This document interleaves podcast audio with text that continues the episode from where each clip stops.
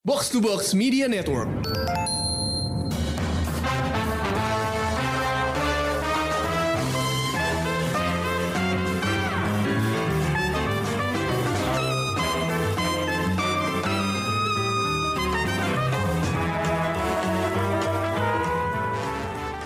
Halo pendengar Showbox, balik lagi bareng gue Amy dan bareng gue ada Krisna. Kalau ada Amy dan Krisna di satu podcast yang sama, udah pasti kita membahas drakor. Enggak sih, kali ini kita nggak bahas drakor, kita uh, membahas sinema Korea. Karena summer ini ternyata banyak film keren yang main di bioskop dan film-film tersebut masuk juga ke bioskop Indonesia lewat CBI Pictures. Um, gimana nih Chris? Lo udah nonton semuanya kah? Hmm, yang ya hampir semua ini sih. Kayaknya Hampir apa yang semuanya. kelewat ya? Kayaknya udah nonton sih gue kebetulan soalnya kayak gue kalau bela, lumayan bela-belain sih kalau ada film Korea tayang di Indonesia. Iya, Hmm. Broker nonton kan? Iya, broker. Terus Decision to Live Yes. nonton. Terus eh, yang ini dua film sekaligus kita bakal bahas, yaitu yang pertama adalah Alienoid, yang kedua adalah Emergency Declaration. Pertama kita bahas Alienoid dulu karena keluarnya udah lebih lama dan takutnya filmnya udah agak hilang nih dari bioskop. Ya, udah Eh, hampir hilang ya. udah hampir hilang. Hmm. meskipun sebenarnya gue menyadari bahwa si CGV itu masih nayangin eh, meskipun hanya satu jam tayang dalam sehari gitu. Hmm. Jadi eh, masih bisa ditonton, tapi nggak tahu deh kalau misalnya besok eh, minggu ini gue rasa sih udah udah agak hilang ya, Hmm. udah mungkin udah langka gitu. Karena sebentar lagi bakal ada film Korea lagi yang bakal tayang kan. Yang mana ya Chris? Pre prequelnya Roaring Currents. Oh iya betul, itu trailer gue nonton juga sih waktu nonton salah satu film yang kita bahas malam ini, Emergency Declaration. Gue pas nonton itu trailernya dikasih Roaring Currents yang sebelumnya yang prequelnya ya. Prequel. Jadi gue kayaknya bakal ini nih, kayaknya bakal bioskop rame lagi nih sama film-film Korea. Tapi gue nggak sempet nih nonton Alienoid. Eh, Bisa nggak sih lo ceritain sedikit tentang Alienoid itu apa gitu? Illinois. Ceritanya sih lumayan ribet.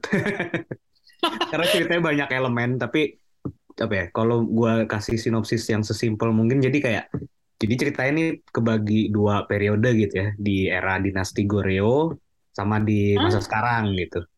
Nah, Ah, awal ceritanya tuh kejadiannya kayak eh, alien, para alien entah dari planet mana gitu, belum terlalu dijelasin, itu datang ke bumi itu eh, apa ya kayak mereka tuh untuk menahan penjahat-penjahat di mereka tuh ditanam kayak ke tubuh manusia gitu di penjara dalam Penjahatnya tubuh alien? manusia hah penjahatnya alien.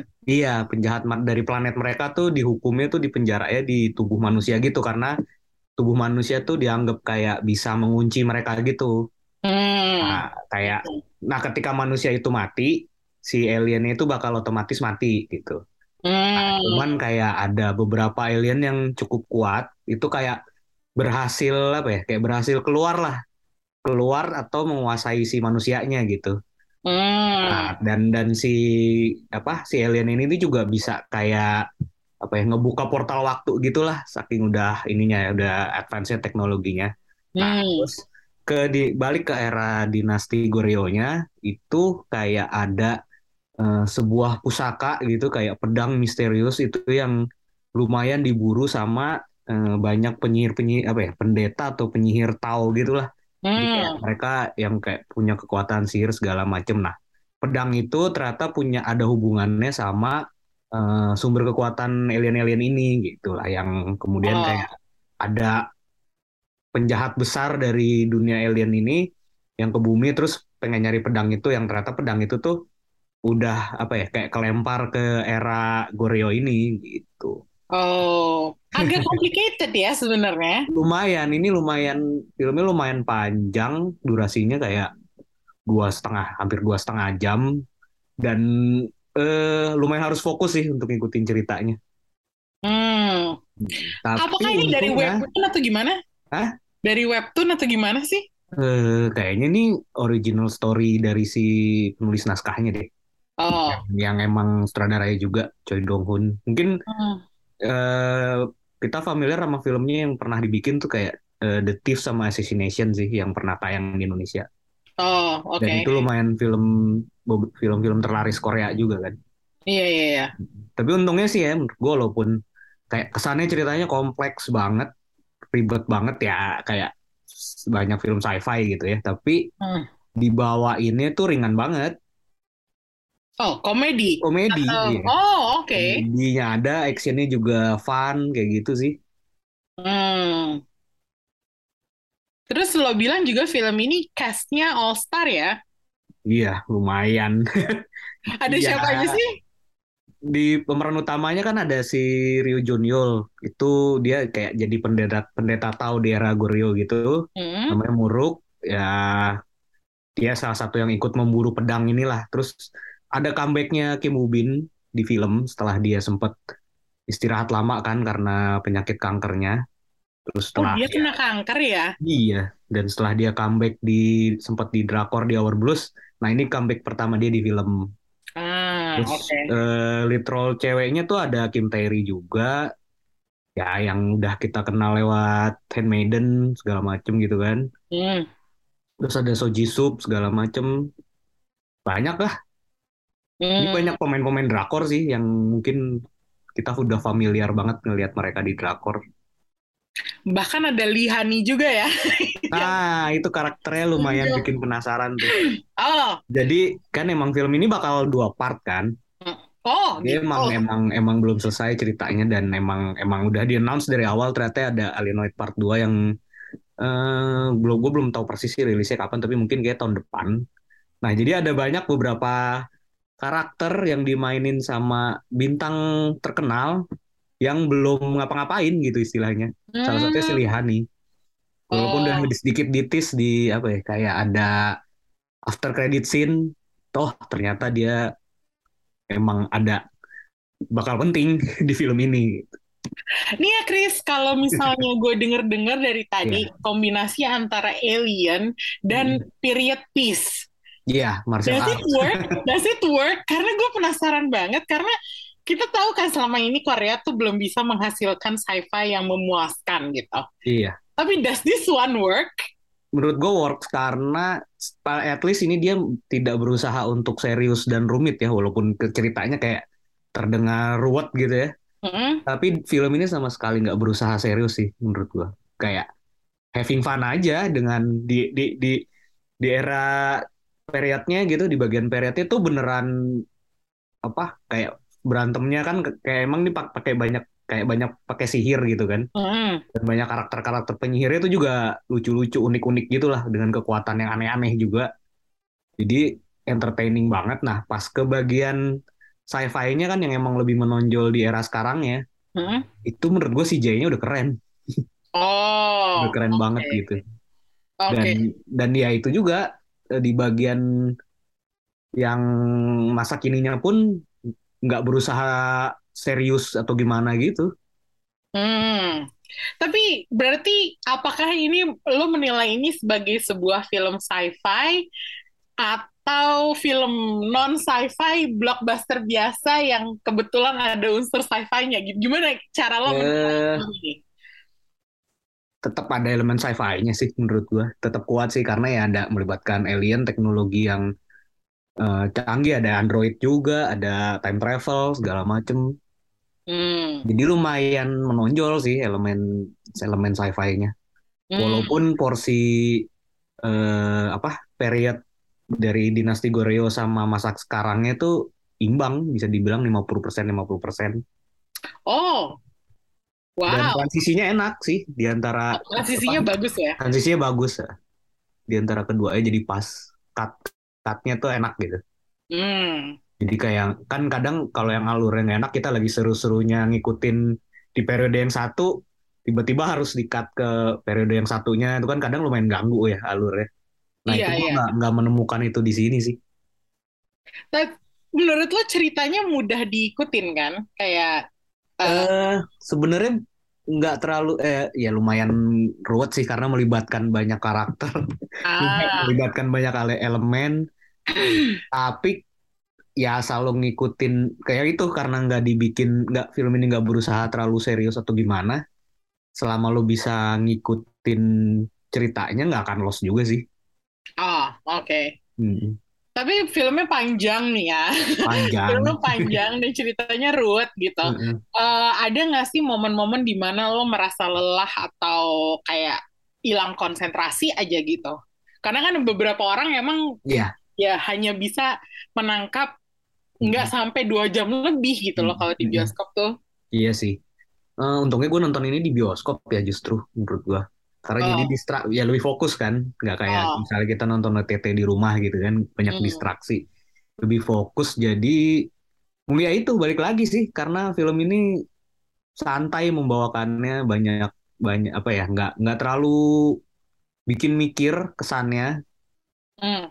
terus eh, ringan komedinya actionnya segala macam jadi ah ya gue lumayan bisa menikmati sepanjang durasi sih Oke. Mm-mm. Oke, berarti eh, kalau misalnya lo merekomendasikan film ini, eh, ada nggak film lain yang mirip sama film ini yang atau ini ceritanya ya? benar-benar unik gitu? eh waduh gue lupa ya apa ya Iya kalau kayak kalau kalau misalnya cuman periodenya doang gitu dan ex- dengan action komedi periode doang ya mungkin ada beberapa gitu ya atau yang eh, sci-fi doang ada tapi kayaknya untuk yang menggabungkan dua elemen ini kayak lumayan baru ya kalau untuk di Korea menurut gue sih Kayaknya nggak ada sih kalau Iya. gue. Iya karena gue eh, lumayan kaget juga bahwa cerita ini menggabungkan sebuah kisah alien sama eh, period eh, Iya. story gitu. Mm-mm, mm-mm. Dan itu kayaknya sesuatu hal baru yang kayaknya belum banyak dicoba sama filmmaker Korea ya nggak sih? iya lumayan eksplorasi yang lumayan baru sih ini buat mereka kayaknya dan Hmm. banyak karakter-karakter keren di sini Hmm, yang tadi ya tadi lo disebut bahwa Mm-mm. karakternya banyak yang menarik ya. iya Yang favorit lo siapa? ada dua eh, apa ya dua kayak kayak karakter utamanya dia jadi kayak penyihir dari penyihir tahu juga Hmm? disebut kayak mereka tuh kayak penyihir dari Gunung Kembar jadi yang main ada Yum Yum Jung Ah sama Ju Woo Jin Hmm? Oke. itu mereka kayak dua cewek cowok dibilang dua dua penyihir salah satu penyihir terkuat di situ sebenarnya Hah? cuman mereka punya banyak banget alat-alat aneh gitu deh kayak nggak ada habisnya gitu itu itu lumayan dan setiap mereka ngeluarin alat yang baru tuh lumayan bikin ngakak sih tapi Hmm. alatnya berguna ngeselinnya itu aneh tapi terus ternyata berguna terus ternyata efektif buat pertarungan mereka segala macem dan Hmm. kayaknya peran mereka berdua di part 2 di film selanjutnya bakal makin gede sih karena ternyata ya mereka memang udah terlibat banyak di masa lalu gitu dengan, Hmm. cerita di periode mereka gitu Oh. karakter Kim Terry di sini yang justru belum terlalu menonjol. Dia munculnya kayak baru udah di pertengahan film, tapi ya makin ke belakang ternyata yang memang ada periode yang hilang dari hidup dia yang belum diceritain gitu. Yang itu bakal mungkin bakal dieksplor juga sih di film selanjutnya. Hmm, oke. Tapi ini gue kaget ya, Chris. Lo Mm-mm. bilang ini ada part 2-nya. Tapi ini eh, kalau ngelihat judulnya, Mm-mm. judul Koreanya memang ada tulisan part 1. Iya, Tapi di versi bahasa Inggrisnya, which is Alienoid, itu nggak ada tulisan Nggak part ada. 1 gitu. makanya gue rasa ba- banyak yang kaget sih mungkin pas pas film ini selesai loh ternyata belum selesai gitu. Nah itu dia gimana tuh Hmm. kalau misalnya ternyata orang nonton mengharapkan sebuah konklusi, tapi nggak dapet gitu loh. Iya, ya mungkin sebenarnya kalau untuk filmnya sen- ini sendiri kan memang ada ada beberapa masalah gitulah yang yang harus diselesaikan di sini gitu. Hmm. Itu sebenarnya ada ada cukup ada konklusinya gitu. Tapi ternyata konklusinya itu membuka oh ternyata masih ada masih ada hal lain yang harus diselesaikan kayak gitu sih. Jadi Hmm. ya memang bakal belum selesai rasanya tapi memang memang bukan sesuatu yang dipaksain karena emang ceritanya sudah didesain kayak gitu sih. Hmm. Tapi yang mendingan pakai part one nggak sih? Kalau menurut gue sih judulnya harusnya Harusnya sih merefleksikan bahwa ini hanya satu bagian dari sebuah cerita yang utuh gitu loh. Iya. Kayak ini kan dulu ngingetin gue sama kayak Along with the Gods gitu kan. Itu kan ah iya betul uh, dua part gitu kan. Tapi kayak waktu itu kita semua udah tahu kan ketika nonton itu kayak ini baru Part one. satu gitu. iya iya Apalagi ini kan durasinya lumayan panjang ya. Jadi Iya, itu dia makanya kayak mungkin banyak iya sih banyak orang mungkin yang udah merasa udah mengeluarkan energi ekstra buat ngikutin dua setengah jam tapi ternyata belum selesai. Hmm, itu dia. Gue takutnya tuh jus- justru orang-orang jadi kayak ada rasa semacam apa ya kecewa. Jadi akhirnya Mm-mm. mereka kayak dikasih tahu nih masih ada film keduanya loh. Terus orang-orang jadi pada males gitu. Takut banget gitu. Kalau Tapi kalau yang udah nonton sih gue rasa bakal penasaran ya. Oh gitu. Iya, karena ya itu eh, kayak masih banyak rahasia tentang karakter-karakternya, rahasia lumayan gede yang baru terungkap di belakangan. Itu ini ya, ya, ya belum belum terjawab di film ini gitu. Hmm, Bahkan karakter utamanya sendiri kayak si karakternya si Mu- Muroknya Ryo Jun Yeol tuh kan menyimpan misteri besar di terakhir ya justru. apa itu misterinya? Ja- aduh, apa ya? Jadi kayak eh spoiler kan bebas ya. Spoiler, spoiler alert guys, spoiler alert. Jadi ya ternyata orang yang dicari-cari sama alien dari masa depan itu ternyata dia gitu. Oh. Jadi apa sih benda yang dicari-cari itu ada di dia ternyata. Hmm, Di mana selama ini yang dikira bukan dia. hmm, I see, I see, I Hmm. see. Lu ngomong gitu aja gue jadi kayak udah agak penasaran gitu. Kayak kapan ya uh, film ini muncul di OTT supaya gue bisa nonton. Kayaknya sih biasanya kalau film CBI Korea sih nggak nggak akan lama sih bakal muncul di OTT sih. Hmm, semoga sih. Iya. Kayak gue yakin sih mungkin OTT ada ada yang ambil gitu ya, cuman nggak tahu timingnya kapan gitu. Cuman gue sekarang udah rada penasaran denger deskripsi lo yang tadi menjelaskan bahwa ternyata ini isinya seru banget gitu. Iya. Gimana Goblok, kalau kadang goblok juga sih komedinya. Nah, gimana kalau kita bandingin film ini sama film eh, satunya, Nah, which is Emergency Declaration. Em, kenapa kita bandingin dua film ini adalah karena posisi mereka yang eh, lumayan sama-sama masuk top 10 di highest grossing films di 2022. di Eh, Korea ya. di Korea. Illinois itu di posisi 7 dengan domestic gross-nya 12 juta something. Emergency Declaration di posisi nomor 5 Hmm. dengan gross-nya 15 juta something. Nah, gue kemarin hari Minggu nonton Emergency Declaration dan itu disebut sebagai apa ya? film disaster gitu. Dan itu ternyata filmnya disaster banget karena ada serangan senjata biologis, ter- teror biologis di atas sebuah pesawat.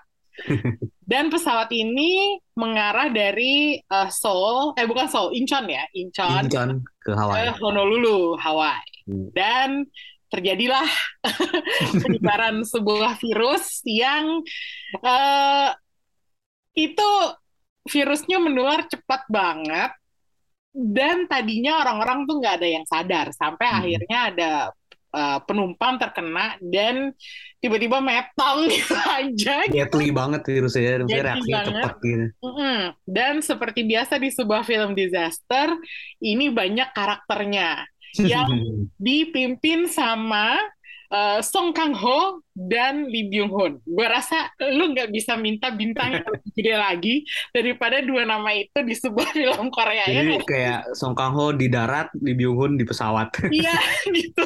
Udah ada pembagiannya. Yang satu di di tanah, yang satu di udara gitu. Intinya adalah lo uh, ke- ke mana pun lo menengok, baik di daratan maupun di udara, lo akan menemukan aktor-aktor yang penampilannya sangat keren gitu.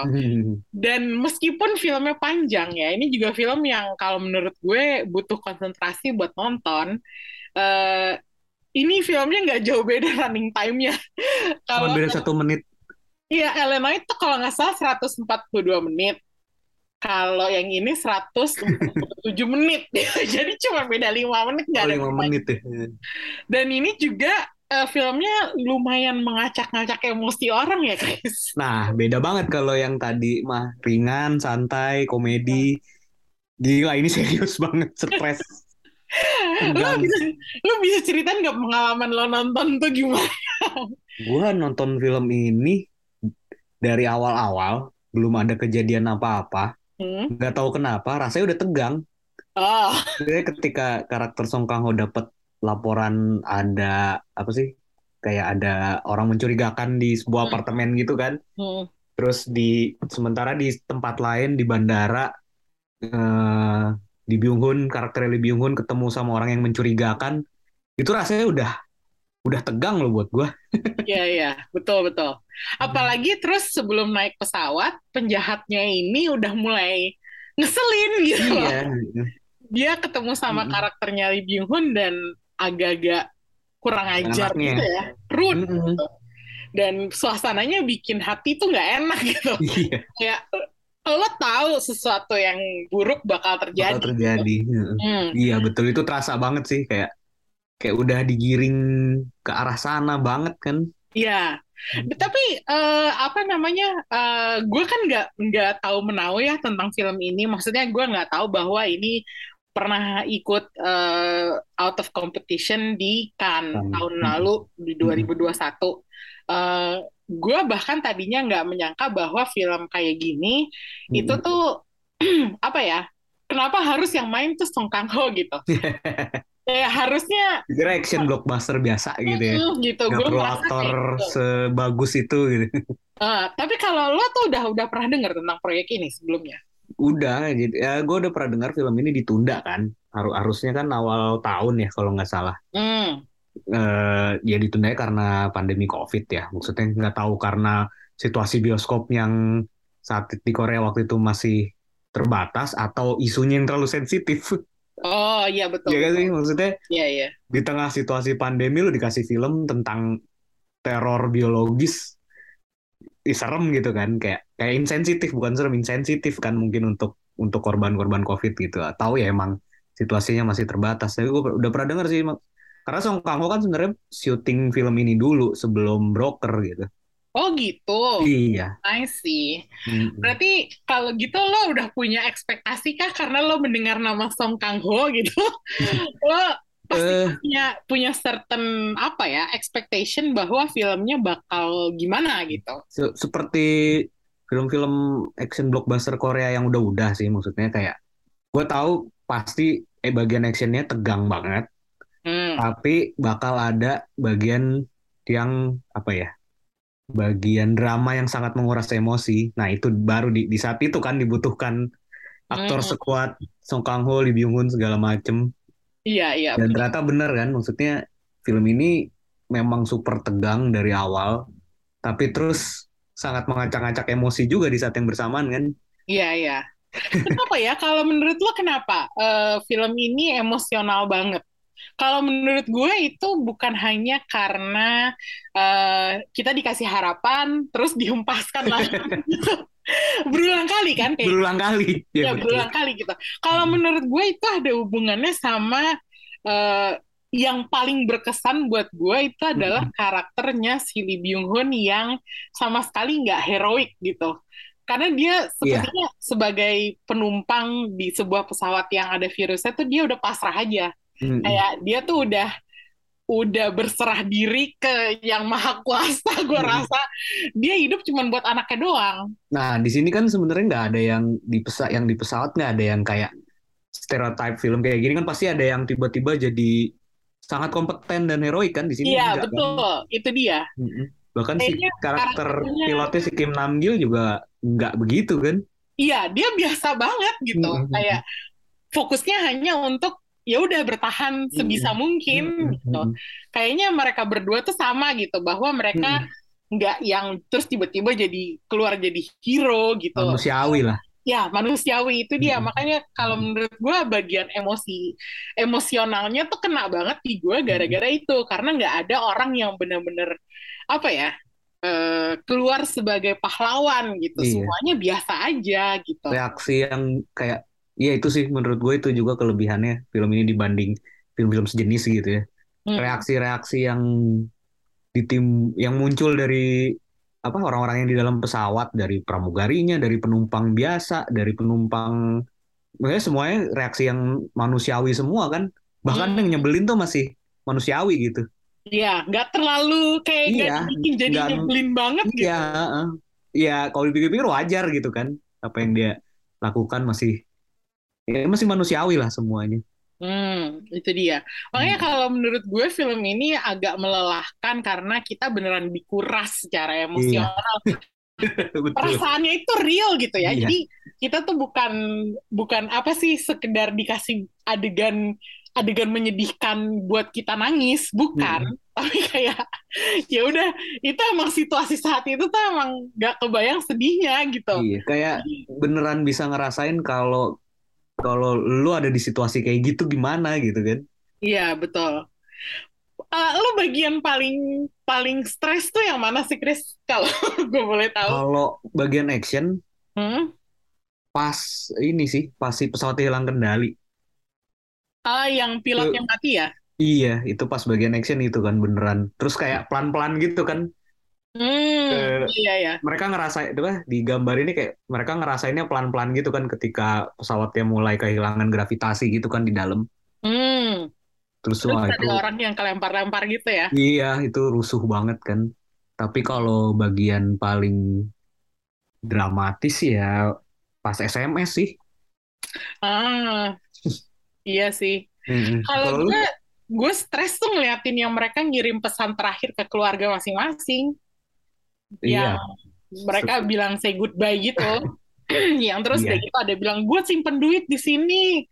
Lu pakai iya itu ba- apa?" iya itu bagus banget maksudnya bukan cuman karakter utama yang kita lihat kan semuanya kan Hmm, itu dia makanya. penumpang lain kan. Heeh. Tapi Maksudnya- bobot emosinya sama. Penumpang-penumpang yang biasa aja itu yang diliatin justru itu karena Mm-mm. karena mereka bukan siapa-siapa jadinya malah lu kebayang kalau lo atau anggota keluarga lo yang terus tiba-tiba kayak gitu gue stres banget asli gue stres banget terus apalagi dibilangin kan kayak mereka tuh berapa kali nggak boleh mendarat itu Mm-mm. tuh itu juga bikin stres iya udah Dan- berusaha. sampai akhirnya para penumpang di pesawat itu mutusin sendiri bahwa kita nggak mau mendarat Mm-mm. itu gue nangis sih Itu dramatis gue juga nangis itu. itu dramatis sih. Jadi kita kita Mm-mm. berdua banjir air mata ya bagian Iya itu. kagum memang sih gue. Iya betul kayak ini yang yang yang ngasih message nih karakter yang kita nggak pernah perhatiin sepanjang film, tapi bisa ngasih ngasih apa ya, bobot emosi yang dalam gitu. Betul betul betul. Mm-mm. Terus deh gitu si karakternya Song Kang Ho masih aja lu tetap bisa kayak nyelamatin orang dengan menyuntikkan dirinya sendiri dengan si virus itu, tapi Iya. dalam dosis besar. Mm. Gue kayak lah hero-nya malah di di tanah gitu, di bumi, di Iya. darat gitu. Yang memberi akhirnya memberi harapan justru kan lumayan lumayan nggak ketebak juga kan. Hmm, sampai akhir ya kita Hmm. digantung gitu. Beneran diacak-acak. Gue sih, Mau juga menurut gue sebenarnya peran, peran dia di sini Mm-mm. itu apa ya karakter yang udah pernah udah pernah kita lihat lah karakter dia yang kayak gitu gitu ya Hmm, tapi tetap bagus tet- karena pas sama filmnya sih iya, dia Ya. dia memainkan detektif kayak gitu kan mungkin kayak eh, di kayak karakter di Memories of Murder Bong Joon-ho kayak gitu mirip gitu Hmm, Eh, tapi tetap pas sih jadi tetap bagus dia karena dia yang mainin Nah itu dia kalau menurut gue karakternya dia itu si polisi airport itu Mm-mm. itu eh, peran yang sangat pas gitu sebagai suami dan bapak-bapak kebanyakan. iya makanya ketika Kan? di luar pekerjaannya dia bapak-bapak normal banget kan Iya itu dia. Makanya jadinya gue ngerasanya nih orang-orang tuh biasa banget. Nggak ada yang terlalu apa ya terlalu khusus gitu. Misalnya Mm-mm. dia nggak ada yang punya misalnya eh, ada autismnya gitu. Iya. Terus udah gitu tiba-tiba melakukan sebuah miracle yang gimana banget gitu. Mm-mm. tapi gue sekarang pengen tanya deh sama lo. Mm-mm. Eh, menurut lo isunya eh, teror biologis itu itu gimana? Terlalu sensitif kah atau gimana? Kalau menurut kalau menurut gue sih nggak Iya. ada hubungannya sama COVID. Cuma ada beberapa adegan di mana gue merasa kayak lah, ini kayak lu kayak dunia nggak pernah kenal sama COVID aja sih gitu loh. Hmm. Kayak ada adegan-adegan yang menurut gue harusnya masih bisa kayak gimana sih the stupid things people do di sebuah disaster movie gitu Hmm. kayak lo nggak pakai masker kayak Hmm. gitu-gitu. Ya, mungkin di sini diceritain emang emang dunianya di dunianya belum mengenal COVID ya. Kayak ini sih, tapi memang mungkin ya itu sih. Hmm, kalau dirilis di tengah pandemi kan ya gimana ya? Agak takut ya. Iya, mungkin di tengah banyak di dunia nyata banyak korban jatuh karena virus gitu kan. Terus Hmm. sementara di sini di dijadikan sebuah bahan entertainment biar gimana pun tetap entertainment gitu kan. Hmm, betul. Mungkin ya mereka nggak berani ngambil resiko itu juga kali ya makanya ditunda. Hmm. Tapi menurut lo berarti ini eh, masih masuk dalam ranah entertainment ya, belum kayak apa ya? Bukan sesuatu yang real Oh. bisa terjadi gitu? Sosial iya ya sosial komen kayak sosial commentary gitu maksudnya. Hmm, iya. Iya mungkin banget terjadi sih. Maksudnya Takut. emang emang kayak apa ya teror biologis kan memang kayak salah satu hal yang paling kita takutin gitu kan sekarang. Iya, betul. Apalagi setelah kita tahu gimana mudahnya sebuah virus menyebar gitu kan. Hmm. Kalau untuk itu ya iya sih.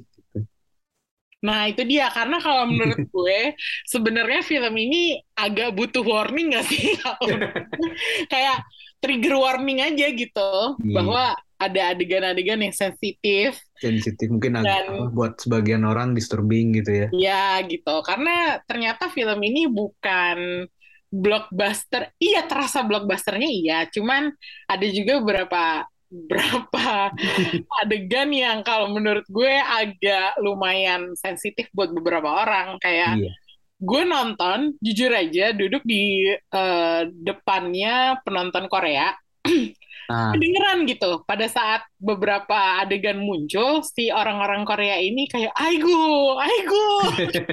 Terus gue jadi kayak, aduh, same ajushi, same. Gitu. gue merasanya jadi kayak agak-agak, gue bisa ngerasain bahwa ini tuh nggak sepenuhnya mungkin bisa dinikmatin sebagai bahan hiburan gitu. iya. karena ada terlalu terlalu Iya. ininya terlalu Iya. dekat sama situasi terlalu dekat, betul. Iya, iya kan Iya, iya. itu dia makanya nah sekarang kalau kita bandingin sama Illinois Chris mana yang lo lebih eh, nikmatin intinya Hmm. Wah, ini ngebandingin air dan api. Filmnya beda jauh banget. bukan apple to apple ya jadi iya, sebenarnya sih. eh, Tapi ses- apa kan kita pernah ngomong bahwa menjudge sebuah film itu personal gitu iya. nah Oh, yang lebih lo yang lebih masuk ke selera lo atau lo lebih merasa ceritanya mudah lebih diterima oleh lo gitu hmm, kalau mungkin gue lebih suka emergency declaration sih karena apa ya? Emosinya sih. Karena gue Hmm. suka film yang lumayan mengacak-acak emosi kan. Nah, itu itu sangat gue dapatkan di emergency declaration. Hmm. Walaupun Alenoid juga gue sangat menikmati gitu ya.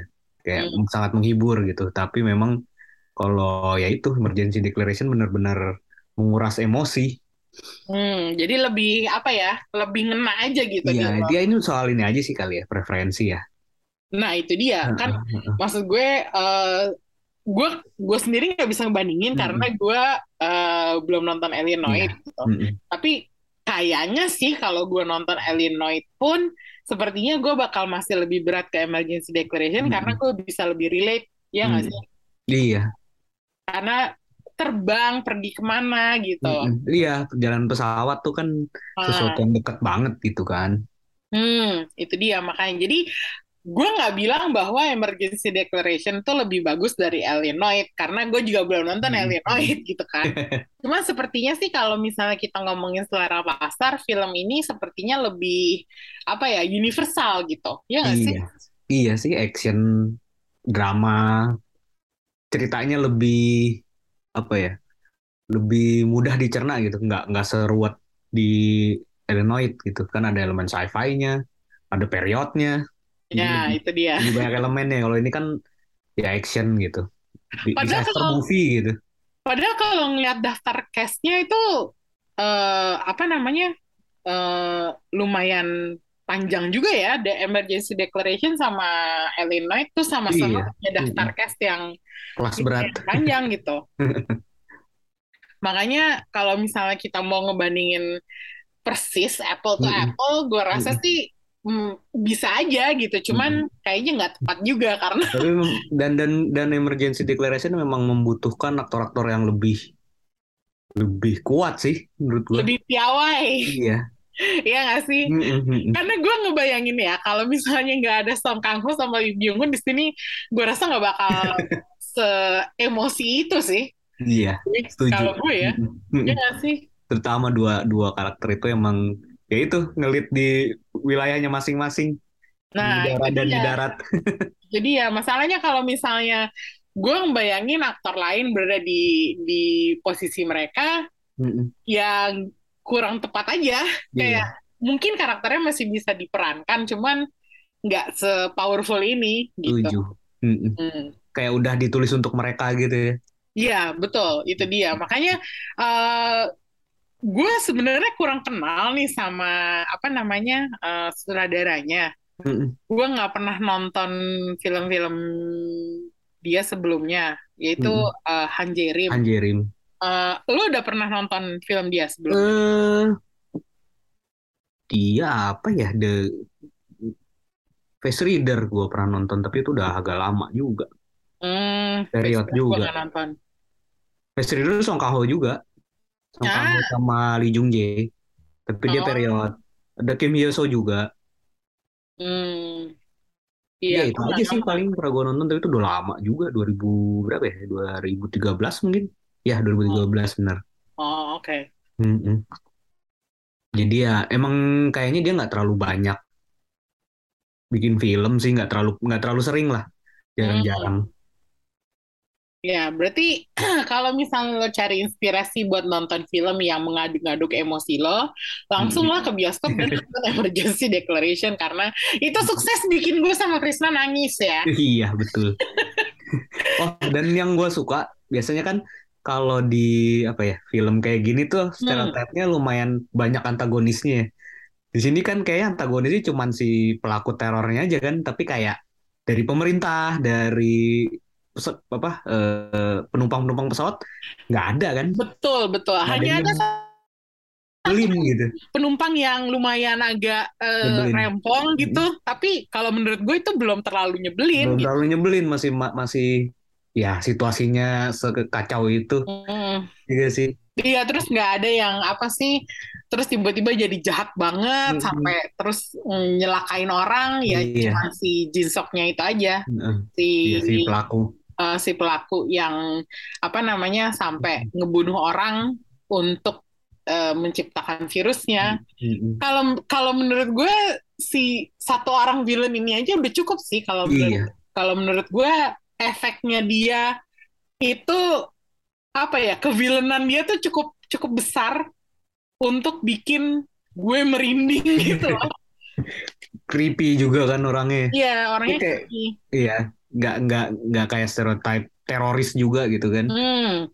Ya itu dia makanya gue bilang tadi yang adegan awal dia deketin Lee Byung Hun sama anaknya itu udah cukup apa ya nggak sopan kan Ah. udah lo udah tahu bahwa nih orang bakal bikin masalah gitu jadi dari situ aja gue udah merasa wah ini nggak bener banget nih orang nih kayak kalau misalnya bisa dimusnahkan musnah aja sepada akhirnya dia musnah juga kan tapi musnahnya tuh bikin kesel dulu gitu makanya gue merasa nggak perlu ada lagi deh yang Dan dan musnahnya dia tidak menjadi konklusi masalahnya juga. iya karena dia ya dia Virus. bunuh diri Musuhnya virus. Heeh, dia sengaja mencelakai dirinya sendiri. Jadi emang sebenarnya kalau misalnya dipikir-pikir film ini mungkin banyak kisah moral yang bisa diambil. Cuman eh, menurut gue pesan-pesan moralnya tuh nggak terlalu apa ya, nggak terlalu sotoy ngasih taunya. Nggak in Jadi your face gitu ya. ya nggak in your face. Jadi gue merasa